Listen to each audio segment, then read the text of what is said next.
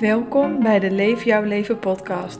Mijn naam is Derdere en in deze podcast deel ik gesprekken met inspirerende vrouwen over onderwerpen zoals spiritualiteit, vrouwelijkheid en kwetsbare onderwerpen waarover niet zo vaak wordt gepraat, zoals schaamte.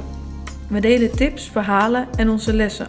Het is mijn intentie om deze mooie, waardevolle gesprekken te delen met jullie, om jullie zo te inspireren op een authentiek pad te gaan lopen en meer van jezelf te durven laten zien. De titel van de podcast zegt het al: Leef jouw leven. Bedankt voor het luisteren en heel erg veel plezier.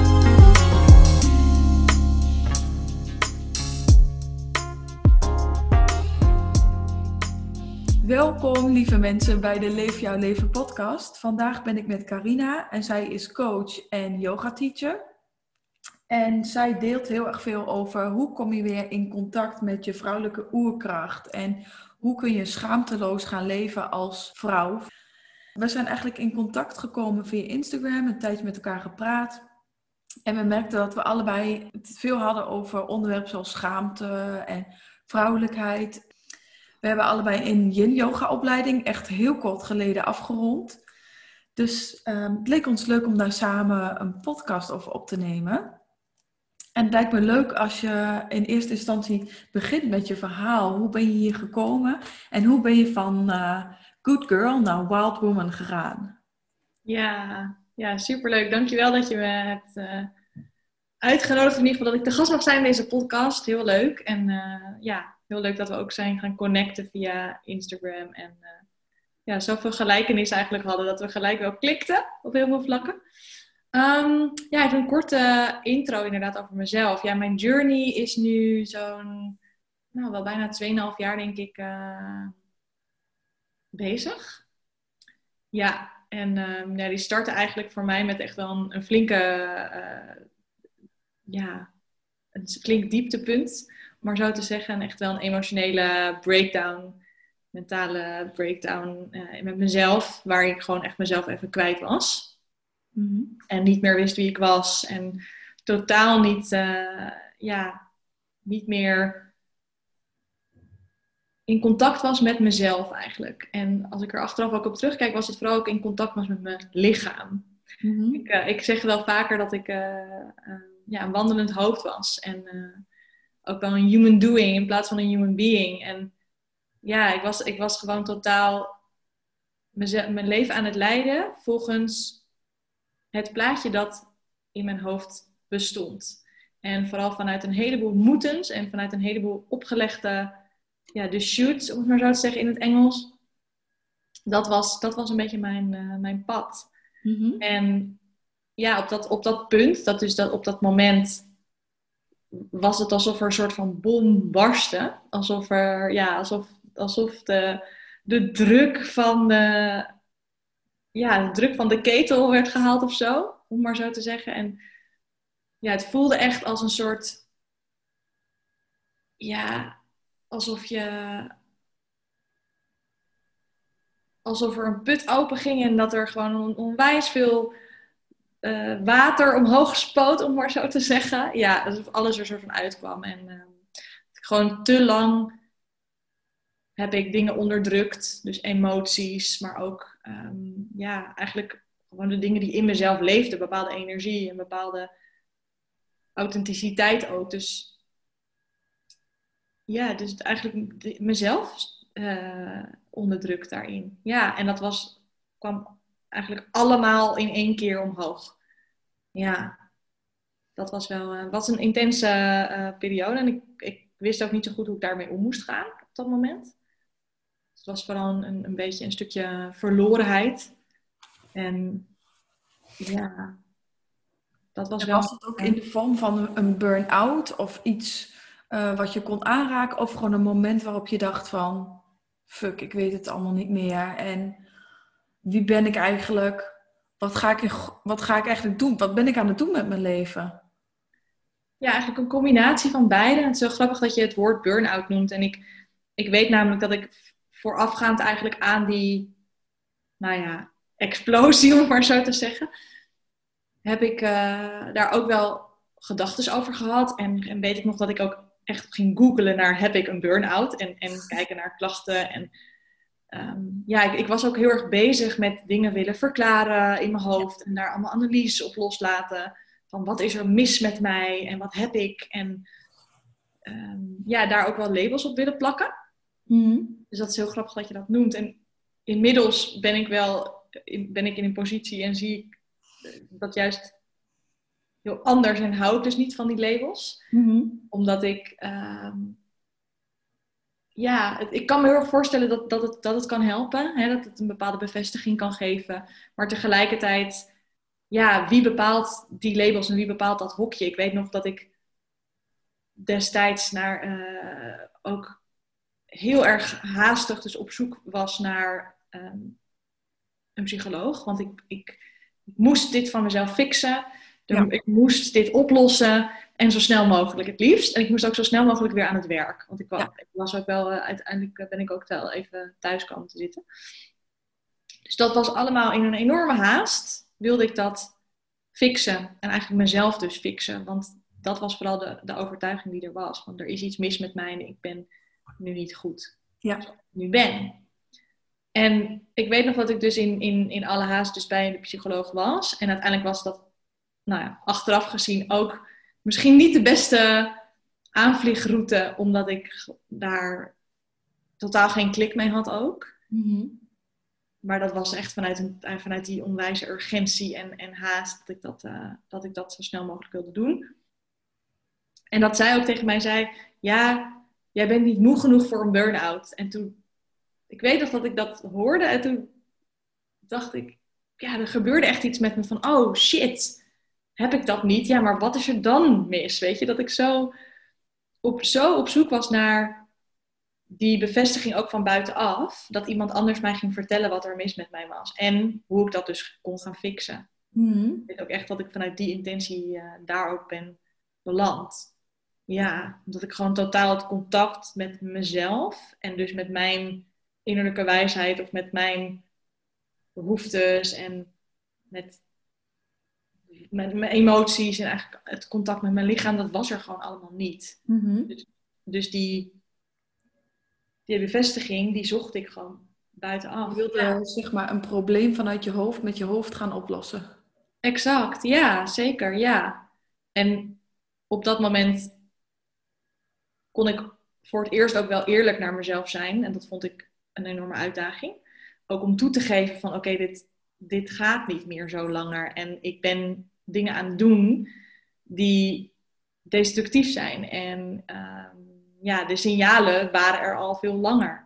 Mm al veel vaker paniekaanvallen gehad. En ja, frustratie ervaren. En ja, ervaren dat ik dingen deed of dingen zei waar ik helemaal eigenlijk niet achter stond. Of die ik ja, als ik echt eerlijk naar mezelf was en dus ook naar anderen, dan ja, zou, ik, zou ik andere keuzes hebben gemaakt. Mhm. Maar daar zat toch wel een stukje, ja, het stukje ja, good girl willen zijn. Ja, ja. Dat zat er toch wel achter. Ja. En met good girl bedoel je voldoen aan ehm, de eisen die anderen om je heen ook vaak hebben van zo hoor je te zijn als, als vrouw en als uh, vooral niet te veel opvallen.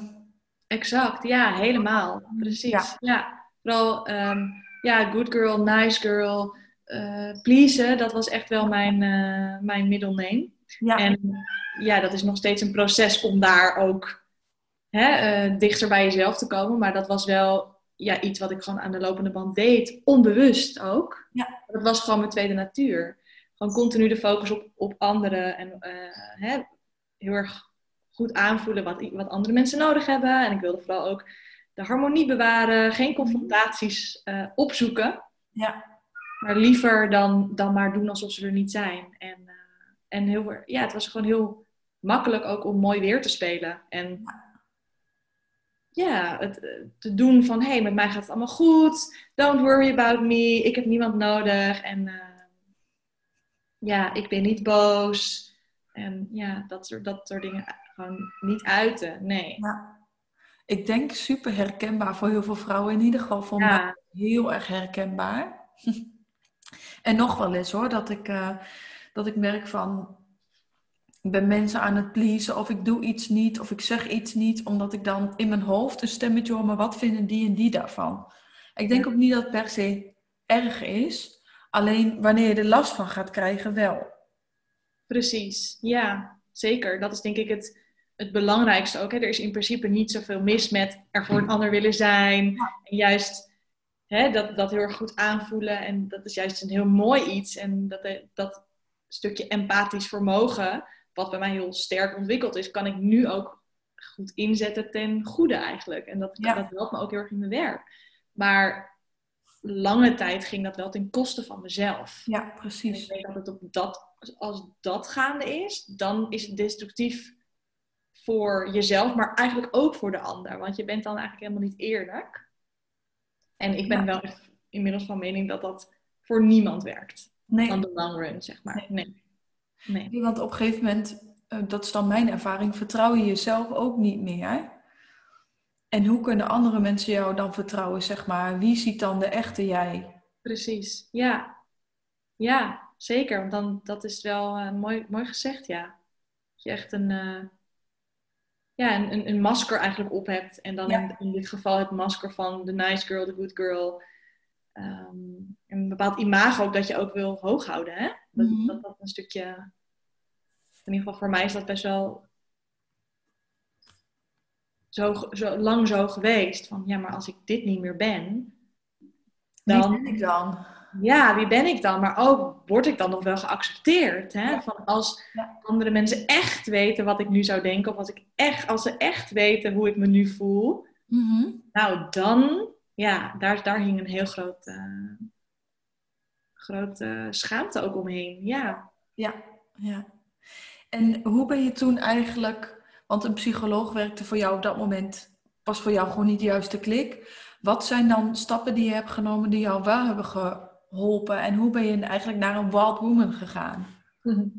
Ja, dank je. Leuke vraag inderdaad. En uh, misschien ook wel leuk om even te, in te gaan op het stukje wild woman en, en hoe ik dat zie. Mm Klinkt misschien best wel, uh, nou, het kan misschien een beetje heftig klinken, maar de definitie wild woman is voor mij dus niet per se dat je in nu ineens uh, helemaal wild en free bent en, en, en de hele dag uh, ja, naakt rondlopen, bij van spreken. En uh, ja, je, je helemaal niks meer aantrekt van wat andere mensen vinden en gewoon overal de rebel gaat uithangen. Dat niet per se. Maar het gaat vooral om dat je je bevrijdt.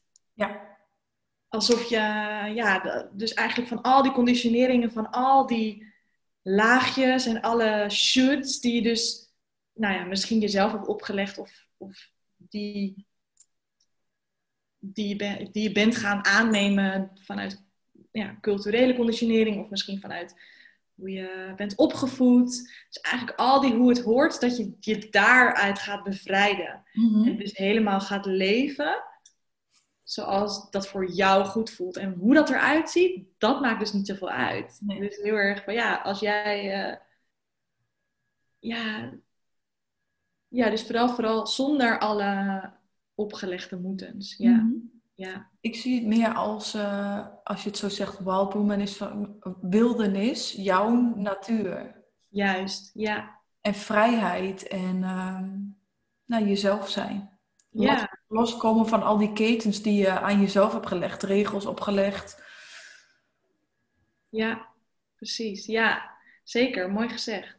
Ja, dus dat is het belangrijkste, denk ik, om te onthouden daarvan. En, en vooral ook daar je eigen invulling aan geven. Hè? Ja. Wat het voor jou betekent, dat, dat kan zo verschillen ook. En nou, voor mij is de reis daar naartoe, de weg daar naartoe, is, heeft yoga daar een hele belangrijke rol in gespeeld. Mm ben ook kort na, die, na dat moment ben ik ook begonnen met een, eh, een yogaopleiding. Dat kwam op het pad en dat voelde echt gelijk als een ja, dit is voor mij op dit moment nu iets waar ik me aan, uh, aan wil wagen. Mm -hmm. En dat was ook letterlijk een enorme uh, reis geweest, maar vooral een reis naar binnen.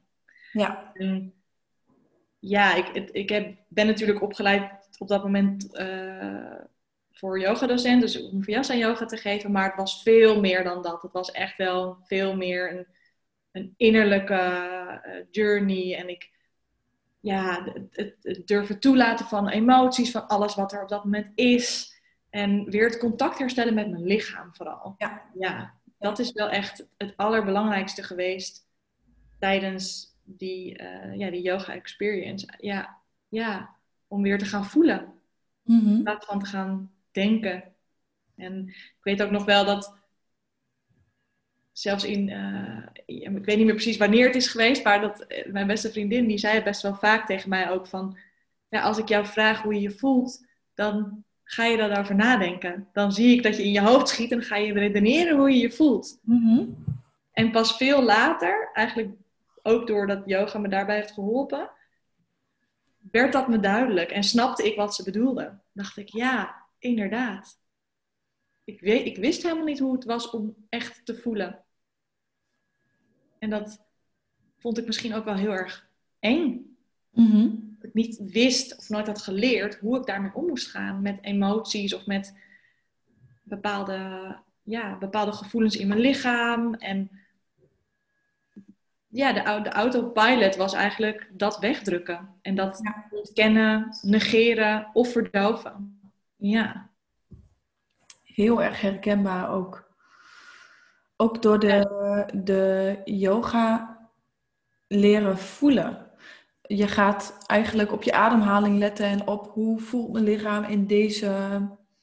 En je, je kan niet denken en focussen op hoe sta ik in deze pose tegelijk.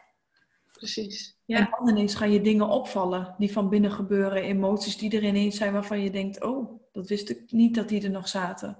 Of soms ook wel pijn, vond ik. Dat je je lichaam ineens pijn gaat doen.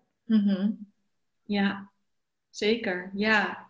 ja, dat was echt een, uh, een, een eye-opener voor mezelf. En heel, uh, heel confronterend ook. Ja, en dat is tot nu toe eigenlijk alles.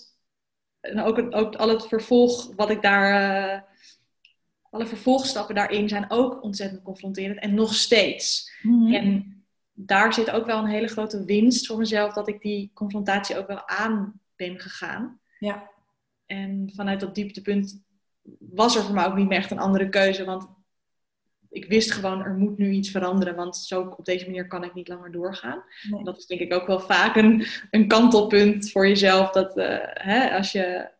Ja, soms wil je wel iets veranderen, maar ja, weet je nog niet hoe. Of, of het is niet zo erg genoeg dat je echt die stap ook echt durft te zetten. Ja. Heel eerlijk, heel eerlijk. Maar um, ja, vervolgens ben ik ook met een coach aan de slag gegaan. En die heeft me echt heel erg geholpen. En echt vooral heel veel inzicht gegeven in allemaal belemmerende overtuigingen die ik over mezelf had. En waar ik helemaal niet bewust van was. Maar dingen die ik ja, ben gaan geloven. En die er, die er toch nog heel erg zaten. En ook bepaalde gevoelens en, en emoties die daarbij kwamen. En dat was wel een, uh, ja, een eye-opener en heeft me heel erg geholpen om dat bloot, om er daar bewust van te worden. En vervolgens ook dus uh, ja, mee te gaan werken. Ja, dus dat was heel, heel helend en uh, heel helpend. Ja. En hoe is schaamte dan op jouw pad gekomen? Ja, schaamte is volgens mij in een van de eerste uh, boeken die ik een beetje ging lezen ook rondom um, zelfontwikkeling en uh, persoonlijke ontwikkeling. Dat kreeg ik op aanraden van een destijds coach op werk. En dat was een boek van Brene Brown. Mm-hmm. En dat heette De Moed van Imperfectie. Ja. En uh, nou, dat was, dat was echt een feest van herkenning, dat boek. En daar, ja, ik herkende daar zoveel in. En perfectionisme was zo ook een thema in mijn leven. Dat alles, ja, daaromheen hing echt heel erg als een soort van wolk boven mijn hoofd ik zat heel erg in, dat, uh, in, die, in die kooi eigenlijk, die, waar ik mhm. mezelf in had, ge, had gemanoeuvreerd. En zij heeft het ook best wel vaak over schaamte. En zij, is, zij doet ook onderzoek naar schaamte.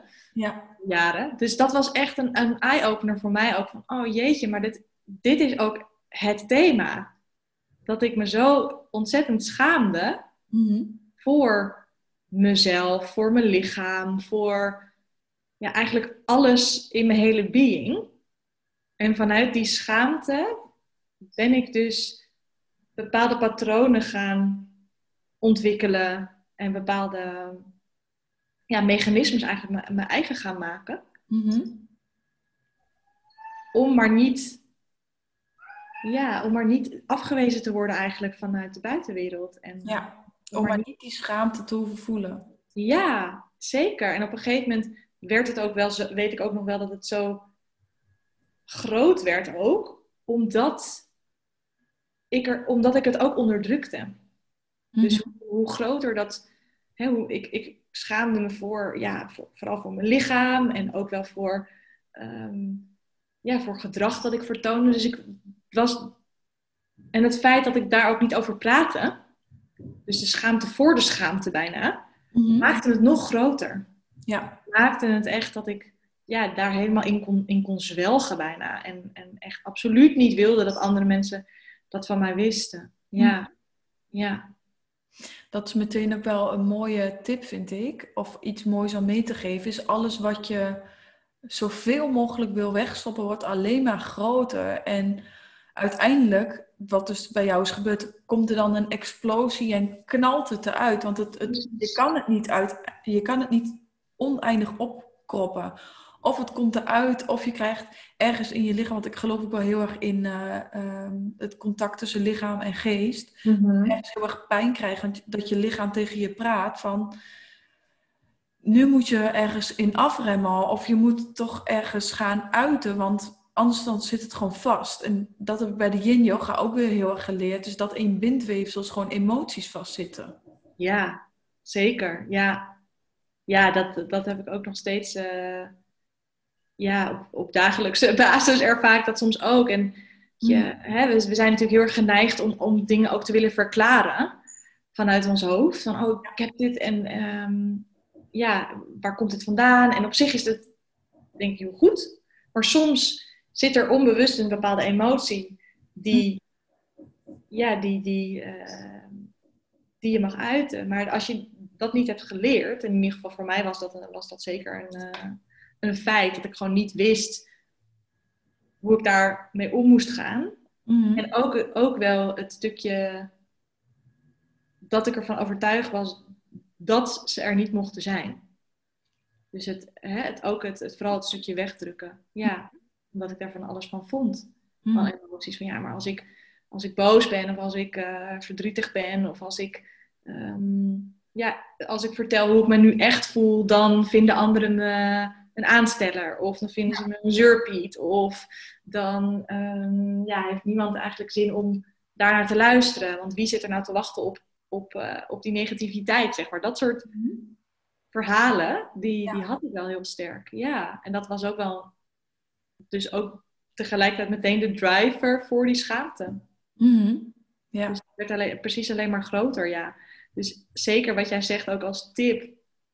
En dat is ook een van de redenen waarom ik mijn uh, online sharing circle ook ben begonnen. De Shameless Circle. Om, ja, dat ik inmiddels gewoon heel erg van, van mening ben ook dat de, dat is ook iets wat Brene Brown heel erg zegt. Van ja, als je de enige manier eigenlijk om die schaamte te, of op te lossen, in ieder geval, nou, oplossen is misschien niet het goede woord, maar om, er, om, er, ja, om die schaamtevrijheid eigenlijk, of vrij te komen van schaamte, is door het ook toe te laten en het ook te erkennen en ehm, ja, het, dus, dus te delen soms. Mhm. En dan vooral in een, in een veilige, op een veilige plek natuurlijk, waar je ja.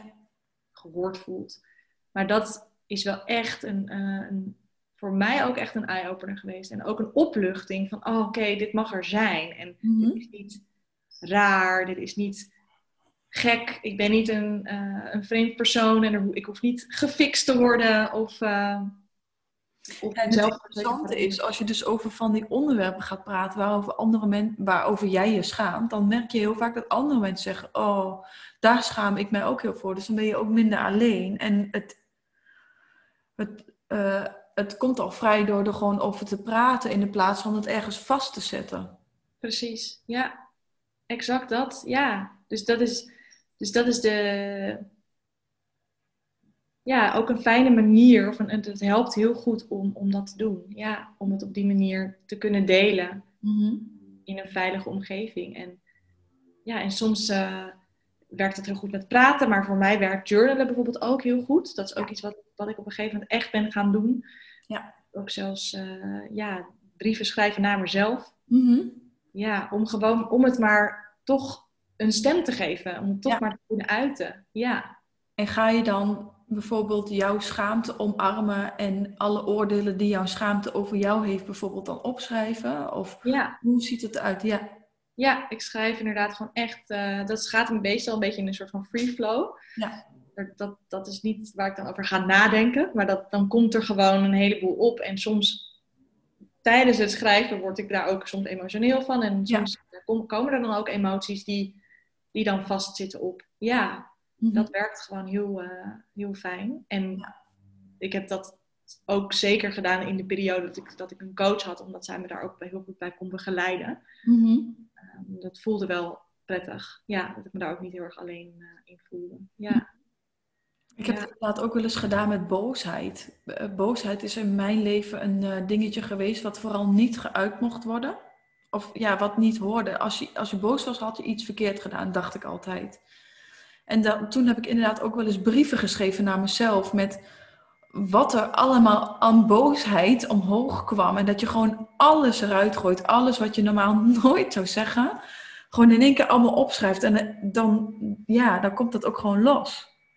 En Ja. dan ontdek je hoeveel onderwater je hebt weggestopt. Dat je denkt, jeetje, denk ik dat ook nog over mezelf? Denk ik dat ook nog over mezelf? Maar zolang je het niet weet, kun je er niks mee.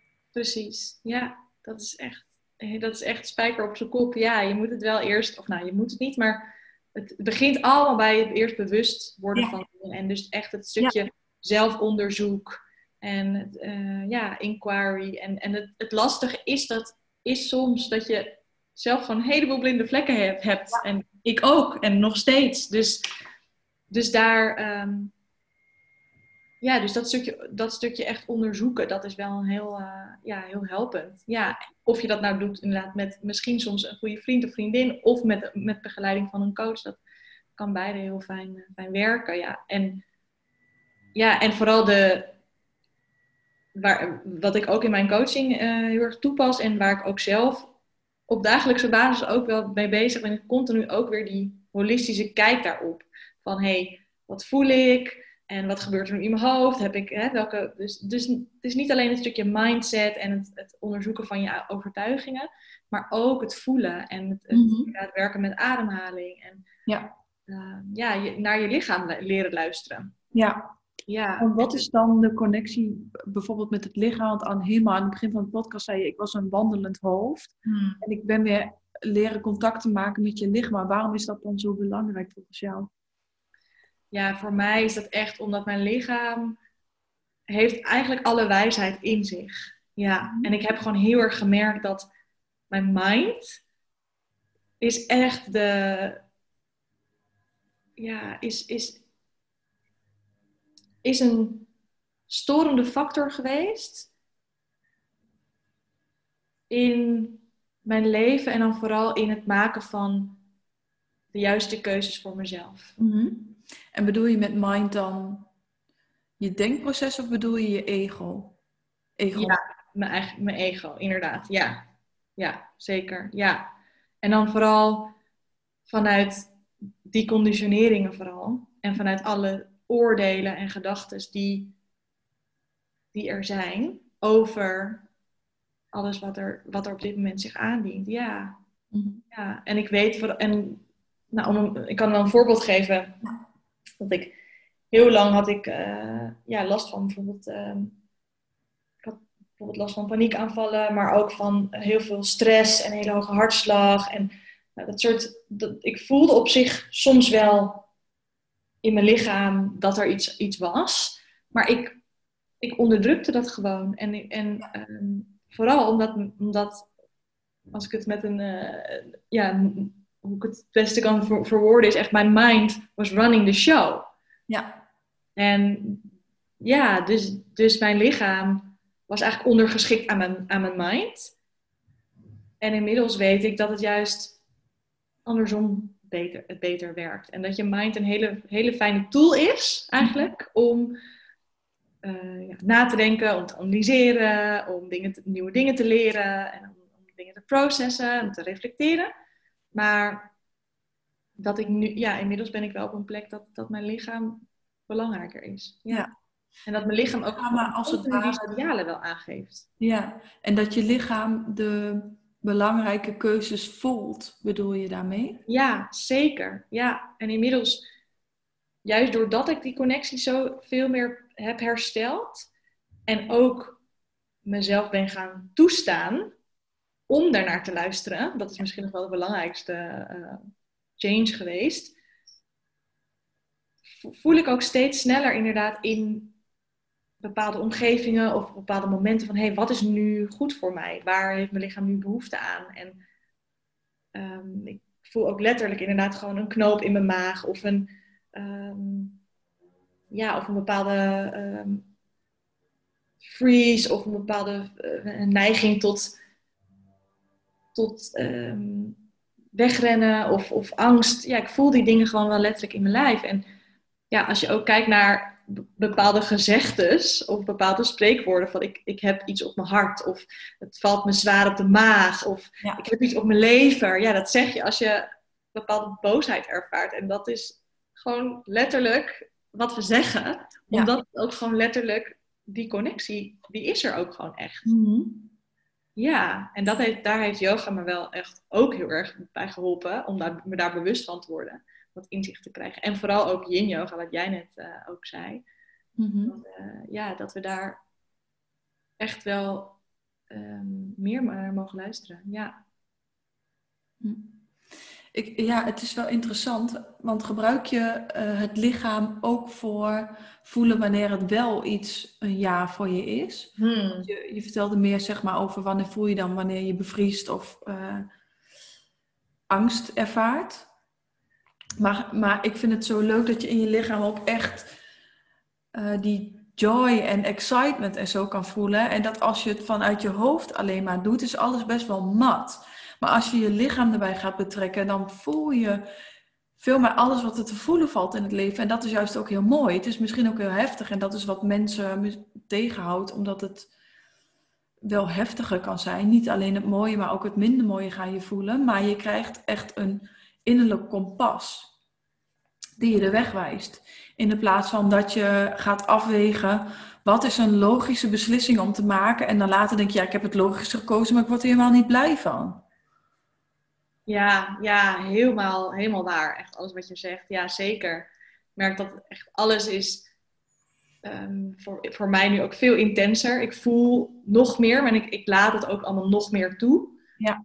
En um, inderdaad ook de joy en, en waar mijn lichaam op dat moment behoefte aan heeft. Het kan ook soms iets zijn, ik heb gewoon even behoefte aan een wandelingetje of zo. Of even bewegen. En ja, of, of, gewoon even, even ademen. Of vooral dansen is voor mij een heel belangrijke tool ook geweest. Of in ieder geval weer een, eigenlijk een herontdekking. Want vroeger vond ik dat altijd ook al heel leuk. En ik was altijd best bewegelijk uh, als kind.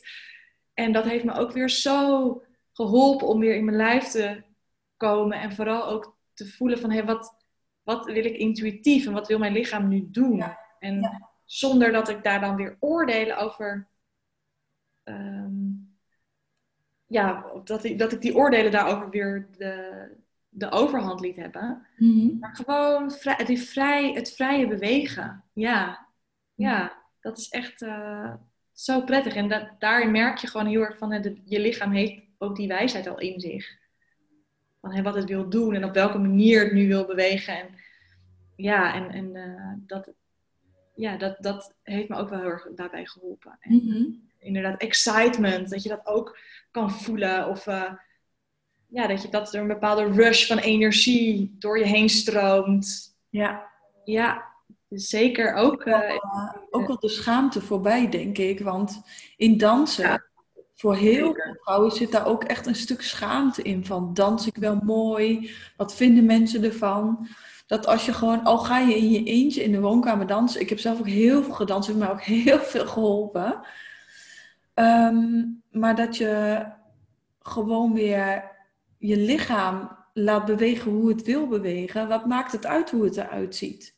Ja, zeker. Ja, en ook daarin, het mooi dat je dat ook zegt, dat je dat benoemt van een stukje schaamte. Ja, dat zit daar zo erg omheen ook.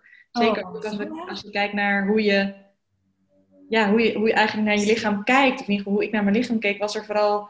Ik keek vooral naar bepaalde body parts en naar delen en dingen die ik niet mooi vond. En die ik het liefst weg wilde stoppen. En eh, ja, mijn buik inhouden, omdat, die er, omdat ik die absoluut niet wilde dat mensen dat zagen. En ja, dat, dat soort ja, een, dat soort enorme ja, belemmerende dingen eigenlijk voor jezelf. Waar je, oh, ja, en als je dat echt los kan laten, dat is zo fijn en zo bevrijdend. En geeft ook weer, eh, ja, geeft je weer die, geeft je, geeft je jezelf de toestemming, maar ook weer de, de vrijheid om te voelen en ook weer om even te zijn. En, en Mhm. meer die zachtheid ook naar jezelf te creëren. In plaats van ehm, ja, de kritiek of de oordelen die je daarover hebt. En dat, die waren bij mij ook altijd heel sterk aanwezig. Ja, en nog steeds. Maar nu heb ik geleerd om er op een andere manier naar te kijken. En om meer te kunnen reframen en, en op een andere manier daar mee om te gaan.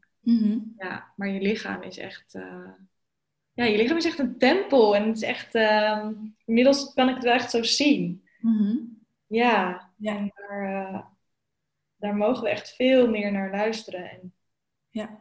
En ook veel meer van houden, weet je wel? Veel meer zien als, eh, als iets waar je mee samen wil gaan werken. En niet als iets wat lelijk is of wat niet binnen een bepaald plaatje past. Of, ja, ik ben ook heel blij dat er zoveel aandacht nu is rondom body positivity. En eh, Mhm. ja, dat we uit, dat, uit die hokjes gaan en uit het labelen of uit het, ja, uit, uit die schaamte eigenlijk daarvoor. Ja, Ja.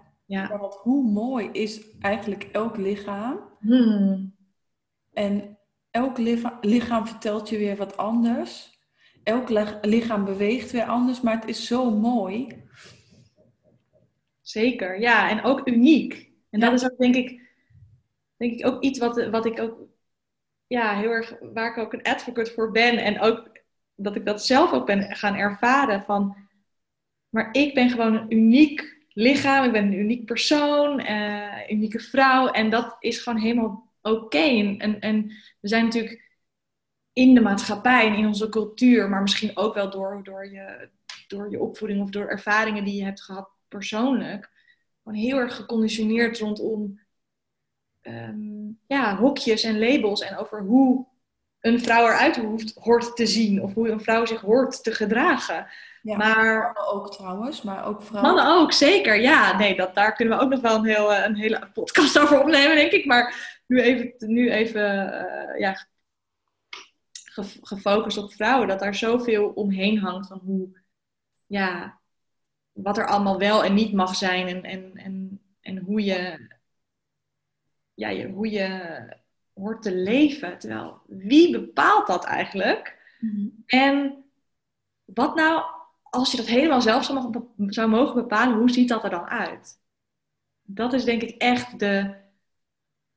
Ja, dat is het belangrijkste waar ik echt zo voor sta. En dat ik ook echt vrouwen wil meegeven. Van jij bent degene die dat zelf bepaalt. Dus Mhm. jij mag daar een invulling aan geven. En niemand anders bepaalt hoe jouw leven eruit ziet. Of hoe jij je wil kleden. Of hoe jij je wil uiten. Eh, Mhm. ja, Ja, of wat een mooi lichaam is. exact. Vooral, Ja. vooral als je zelf heel erg blij met je lichaam bent, dan is het volgens mij goed. En ik denk dat dat ook is wat dansen en yoga en ehm, mindsetwerk doet. Hmm. Als je weer in contact komt met je lichaam, kun je het niet meer haten. Nee. Ik heb dan een achtergrond met een eetstoornis, waarin je ook eigenlijk een wandelend hoofd bent, want anders kun je niet zo met je lichaam omgaan. Maar toen ik weer contact ging maken met mijn lichaam, kon ik dat niet meer doen, omdat ik eigenlijk zag hoe mooi het was en hoe erg het je dient. En ehm, ja, hoe, ja, het is gewoon best wel moeilijk om in woorden te omschrijven, maar je kan je lichaam niet meer haten als je, of zo slecht mee omgaan als je gaat luisteren naar je lichaam en in contact ermee komt. Want dan kom je ook in contact met die fluisteringen die het jou elke dag vertelt.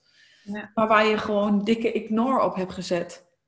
Ja, zeker. Ja, exact. Ja, heel herkenbaar ook. En voor mij was eten ook, ehm, ja, ook een heel belangrijk thema, overigens. Mhm. En ehm, ja, ik, ik uh, gebruikte dat vooral om te verdoven. Ja.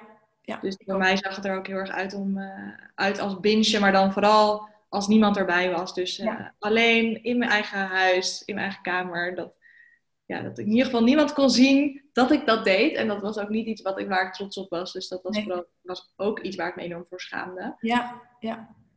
En dat zou ik ook totaal niet, niet delen met andere mensen. Maar het was echt een verdovingsmechanisme om, om niet te voelen. Ja. Zoiets, omdat ik gewoon niet wist hoe ik die emoties überhaupt kon Mm reguleren of, of voelen. En dat ik dan, nou, nee, dat ik gewoon onbewust, ja, dan, dan toch maar zo ging doen. Ja. En me vervolgens daar ook weer enorm schuldig over voelen als ik dat dan had gedaan. Of als ik weer, ja, echt alles wat los en vast had, uh, of alles wat ik in mijn kast had, uh, op had gegeten. Ja, ja. ja want dat, dat is het inderdaad heel erg wat je doet, is je maar vooral focussen op dat eten en daarmee volproppen. Hmm. Uh, om niet te voelen welke emoties. Ik voelde ook heel veel emoties, ook van andere mensen als uh, hoogsensitieve persoon. Komt je vast ook bekend voor. Zeker. Dat je zoveel voelt en zoveel dingen uh, voelt dat je gewoon dat verdooft door dat eten. Want dan ben je daarmee bezig en dan, dan voel je iets in je lichaam eigenlijk. Maar dat is dan niet je emoties, dat is omdat je helemaal vol voelt. En ook waar ik later dan ben achtergekomen, is dat je daardoor pas grenzen voelt. Van, oh, nou zit ik vol. Mm-hmm. Dus hetzelfde als, hier eindig ik en daar begint de ander. En dat is van de ander, dat is van mij. Dat je dat een soort van onbewust probeert na te bootsen. Maar op een super ongezonde manier. Waar, wat dus heel destructief is. Ja, zeker. Ja. En inderdaad, schaamte uh, met 100 km per uur om de hoek komt kijken. Want niemand mag het weten dat je dat doet.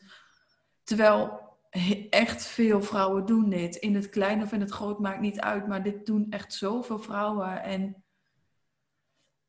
daarom is het dus zo belangrijk om weer wat je vertelde in contact te komen met je lichaam. En te gaan leren hoe kan ik omgaan met emoties. En niet alle regels die ik mezelf heb opgelegd, hoef ik te zijn. Mm-hmm.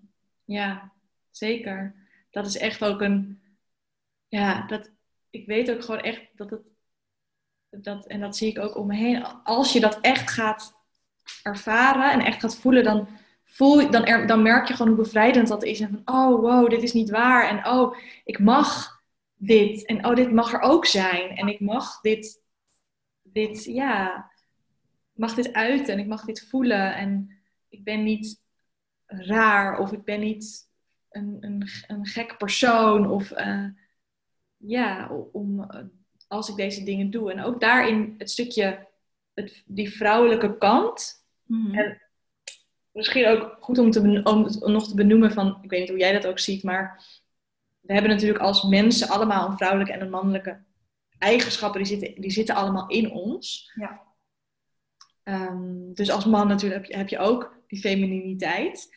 Maar ik denk dat dat ook in onze samenleving ook best wel um, ja, dat er gewoon minder aandacht voor is, minder ruimte voor is. Voor die, voor die vrouwelijke aspecten, voor die vrouwelijke kanten eigenlijk. En, en voelen en um, zijn. Zijn en omarmen en toelaten en ontvangen. Allemaal van allemaal um, ja, de yin-kant eigenlijk. Dat is allemaal het vrouwelijke aspect. En dat is wel iets wat, ja, wat, wat ik in ieder geval heel lang uh, niet kon to kon um, toelaten. Of dat mocht er in ieder geval, die, die kant van mezelf, die wees ik eigenlijk af. Mm-hmm. Ik Ja. denk dat dat ook wel is omdat we dat al jarenlang met z'n allen doen. Dat de mannelijke kant meer gewaardeerd wordt van doelgericht, dus strategisch. En daardoor zijn we ook heel ver gekomen. Maar wat ik de laatste jaren merk, is dat de, de feminine rising, dus de vrouwelijkheid, mag weer meer in contact komen met de man. En dat daarvoor wel voelen en stilstaan en zijn nodig is. Ja, zeker. En Ja. dat je niet alleen dingen kan behalen door iets te doen en een actie te ondernemen, maar ook door te ontvangen. Mhm. Ja, ontvangen, staan, iets naar je toe te laten komen. ja. Ja, precies. En niet alleen maar in de hustle mode te zijn. En ehm, ja, to make it happen. Of inderdaad te, hè, te willen gaan, gaan, gaan. En ja, nee, dat, dat, dat is niet, niet per se the way to go. En, en ook daarin weer is het, blijft het het allerbelangrijkste om dus weer het contact met jezelf te voelen en te mhm. ervaren. Want ook daarin is er ook niet een one size fits all, weet je wel. En ik denk dat dat, dat ook de allerbelangrijkste boodschap is van... Ja. Focus, laat je niet vertellen hoe jij hoort te zijn of hoe jij eruit hoort te zien of hoe, je, hoe vrouwelijkheid er voor jou uitziet. Om, daar ook maar over te beginnen. Ehm, volgens de mening van een ander, maar ga het vooral voor jezelf ook voelen. En, en als voor jou hè, die balans mannelijk-vrouwelijk weer heel anders uitziet, of, dan is dat ook oké. Maar ga vooral dus ja, uit van je eigen innerlijke wijsheid. En laat je niet, laat je niet gek maken door, uh, door de hoe het hoort en door de, ja, door de taboes of door de, de externe factoren eigenlijk. Ja. ja, heel mooi. Ja. En daar hadden we het, vlak voordat we begonnen met de podcast, hadden we het ook nog even over human design. Ja. En waarom dat dan zo mooi is, is omdat het inderdaad gaat over niet one size fits all. Dus iedereen is zo anders, iedereen is anders bedraad, laten we maar zeggen. Dus ga gewoon ook onderzoeken op welke manier voor jou dan ook maar werkt. Wie, wie ben je? Wat voel je eigenlijk echt? Wat denk je allemaal over jezelf? Wat word je bewust van jezelf? Ja. Zeker, ja. Welke methode je dan ook voor wil uh, nemen, uh, dansen, yoga, human design, maakt niet uit. Ga gewoon doen wat je leuk vindt. Precies. Als je ergens toch stiekem merkt dat je dat niet helemaal jezelf bent. Want eigenlijk weet je dat wel als je het doet. Dat is het, hè? Eigenlijk weet je niet van binnen, weet je het wel. Weet je ook waar jij gelukkig van wordt, waar je op dit moment blij van wordt, wat goed voor je is. Alleen toch, ja, lukt het dan soms niet. En daar, daar helpt dan uh, inderdaad een stukje uh, het, het, onderzoek ook bij. Van hè, waarom dan niet en welke, welke belemmerende overtuigingen zitten daar dan onder. Waarom je dat niet kunt, waarom het niet lukt. Maar ja, deep down weet je het, e-, weet je het echt wel. Alleen uh, zijn daar gewoon een heleboel laagjes, van, zo zie ik het dan, overheen gekomen, conditioneringen. Waardoor je daar niet meer bij kunt. Of waardoor je misschien niet durft te zijn. En mhm ja. Wat zou jouw nummer één tip zijn um, als je merkt van, ik ben denk ik niet helemaal mezelf. Um, ik weet dat er nog wat anders onder zit. Wat zou dan jouw nummer tip zijn wat je, wat je nu al zou kunnen doen? Nou, bij mij, wat belangrijkste tip denk ik is, is ga het opschrijven. Ja. Ja, want als je, wat er namelijk gebeurt als je dingen gaat opschrijven, dan A, het is uit je hoofd. Dus dan is het minder ehm, snel dat je in een bepaalde loop komt. En je kunt er dus van een afstandje naar kijken. Mhm. En wat je vervolgens kunt doen, dat werkt bij mij altijd heel goed, is ehm, ja, ook dan gaan afvragen van, hé, maar waarom vind ik dit nu? Of wat, wat gebeurt er nu met me? En um, Wat was de vraag nou ook weer precies? De nummer, één, de nummer één tip wat je kan doen als je merkt van... Ik, ik merk dat ik gewoon niet helemaal mezelf ben. Dat ik dingen doe die niet helemaal kloppen bij mij. Oh ja, ja, precies. Dus je schrijft het dan dus op. En ehm, wat dan het, het beste werkt is van... Hey, wat, dat je opschrijft van wat doe ik nu? Mhm. En waarom, waarom, doe ik, waarom vertoon ik dit gedrag nou? Ondanks dat ik weet van... Hé, hey, ik ben toch niet helemaal mezelf. Ja. En wat, wat daar een eh, hele goede vragen kunnen zijn, is van waar ben ik op dit moment nu bang voor? Ja. ja. En dan kun je dan weer vervolgvragen opstellen van oké, wat, wat gebeurt er als ik wel mezelf zou zijn? En welk gedrag zou ik daar tegenover stellen als ik wel echt mezelf zou zijn? Hoe zou dat eruit zien? En je dan ook bijvoorbeeld te gaan bevragen, waarom doe ik dat nu niet? Ja. Dus echt, waar zit die angst? Waar ben ik bang voor? Ik vind ook... kan je dan helemaal weer gaan uitdiepen. Ja, ik vind ook altijd één hele mooie vraag die ik echt al een paar keer bij dingen voorbij heb zien komen is wat levert het mij op om het wel te blijven doen? Exact, ja. Want dat gedrag wat je hebt, dat helpt je ook ergens mee, want anders doe je het niet. Precies, ja, zeker. Ja, dat is ook een hele mooie, een belangrijke, ehm, een van de subvragen ook in, uh, in de coachingsmethode die ik gebruik, de Work van Byron Katie. Ah ja. Dat is ook een hele, ja, hele, hele goede vraag inderdaad. Van, ja, Op een of andere manier is er iets waarom je toch dit gedrag vertoont. Dus het, het, het, geeft, het brengt je iets. En wat is dat dan? Ja. Ja. Dat is ook wel een hele mooie tip, The Work, voor de mensen die het niet kennen van Byron Katie. Hmm. Heet haar boek nou ook zo, The Work, of heet het The Four Questions? Ja, The Four Questions. Ze heeft meerdere boeken ook. Ja. ja. Dus... In ieder geval, dat is echt wel een tip. En dat is ook een van de eerste dingen waarmee ik ben begonnen. Toen ik uh, eh, 18 was, deed ik een cursus mediteren. En die leraar daar gaf dat ook als tip en zij heeft ook op haar website ehm, van die formulieren van Judge Your Neighbor. Dus welke oordelen heb je over anderen? Dat vertelt eigenlijk vooral iets over welke oordelen je over jezelf hebt. Exact, ja. Dat, ja, dat is ook echt een gigantische tip, want dat, dat helpt je heel erg. En dat helpt je ook verantwoordelijkheid nemen voor jouw leven, voor hoe jouw mhm. leven gaat. Want uh, het is een spiegel. Alle mensen om je heen, alle dingen die gebeuren zijn een spiegel voor jou, voor hoe jij erin staat. Ja, exact. Ja, dat, eigenlijk dat stukje in de mind, vind ik dat vooral. En dan in combinatie met iets wat je in contact brengt met je lichaam en met je gevoel. Mm Ja.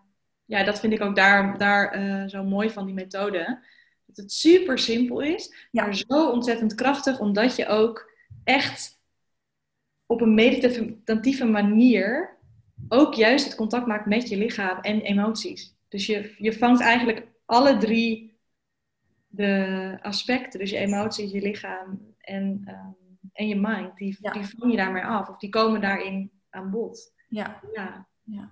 super. Dus, uh, dus echt die letterlijk de body-mind connectie, die ervaar je daarin. Ja, mm -hmm. echt, uh, ja ik, pak ze hem zelf elke week nog toe. Dus uh, het is echt uh, onwijs helpend. Ja, ja, ik pas hem ook nog regelmatig toe, moet ik zeggen. Ik heb hem toen heel intens gedaan. Echt elke dag, dat was ook een opdracht, elke dag uh, dat doen. Maar als ik nu iemand tegenkom, of een gedrag in mezelf wat mij enorm triggert, dus waardoor ik echt heel veel heftige emoties krijg, leg het maar even erbij uit, dan um, pas ik die methode ook nog wel eens toe. Ja. Ja, ja, nee, is fijn. Ja. Hm. En om mee af te sluiten, heb je nog één ding wat je zou willen meegeven? Op het gebied van vrouwelijkheid, voelen, uh, wild woman. Ja, echt. Het, ja, het allerbelangrijkste wat ik mee wil geven is luister naar, je, naar jezelf, naar je eigen innerlijke wijsheid, naar je eigen stem. Hoe die er ook voor jou uitziet. Of het, of het lichamelijke signalen zijn of dingen die, waar je ja, stappen die je wilt nemen. Of misschien is het voor jou wel juist je hart die heel erg spreekt. Of mhm. eh, je, je, je, intuïtie. Maar daar mag je echt naar luisteren. En, en hoe scary het soms ook is. Dat is echt, geloof me, als je dat gaat doen. Dan gaat je leven echt veranderen. Mhm. En hoe is die connectie dan met vrouwelijkheid? Mm, ja, voor mij vooral echt het stukje uh, voelen.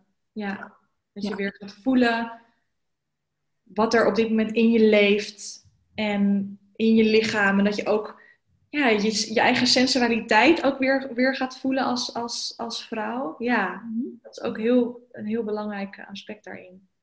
Ja. Nou, super mooi. Dankjewel. Mooi om mee af te sluiten. Dankjewel ja. voor deze podcast. Ja, graag gedaan. Superleuk om hierover te praten. En uh, ja, ik, ik, ik hoop gewoon echt dat, uh, dat, dat meer vrouwen hun, hun, hun inner wild woman gaan, gaan vinden en, uh, en schaamtevrij kunnen gaan leven. Ja. Daar sluiten we mee af. Mooi. Ja. Dank je. Dankjewel.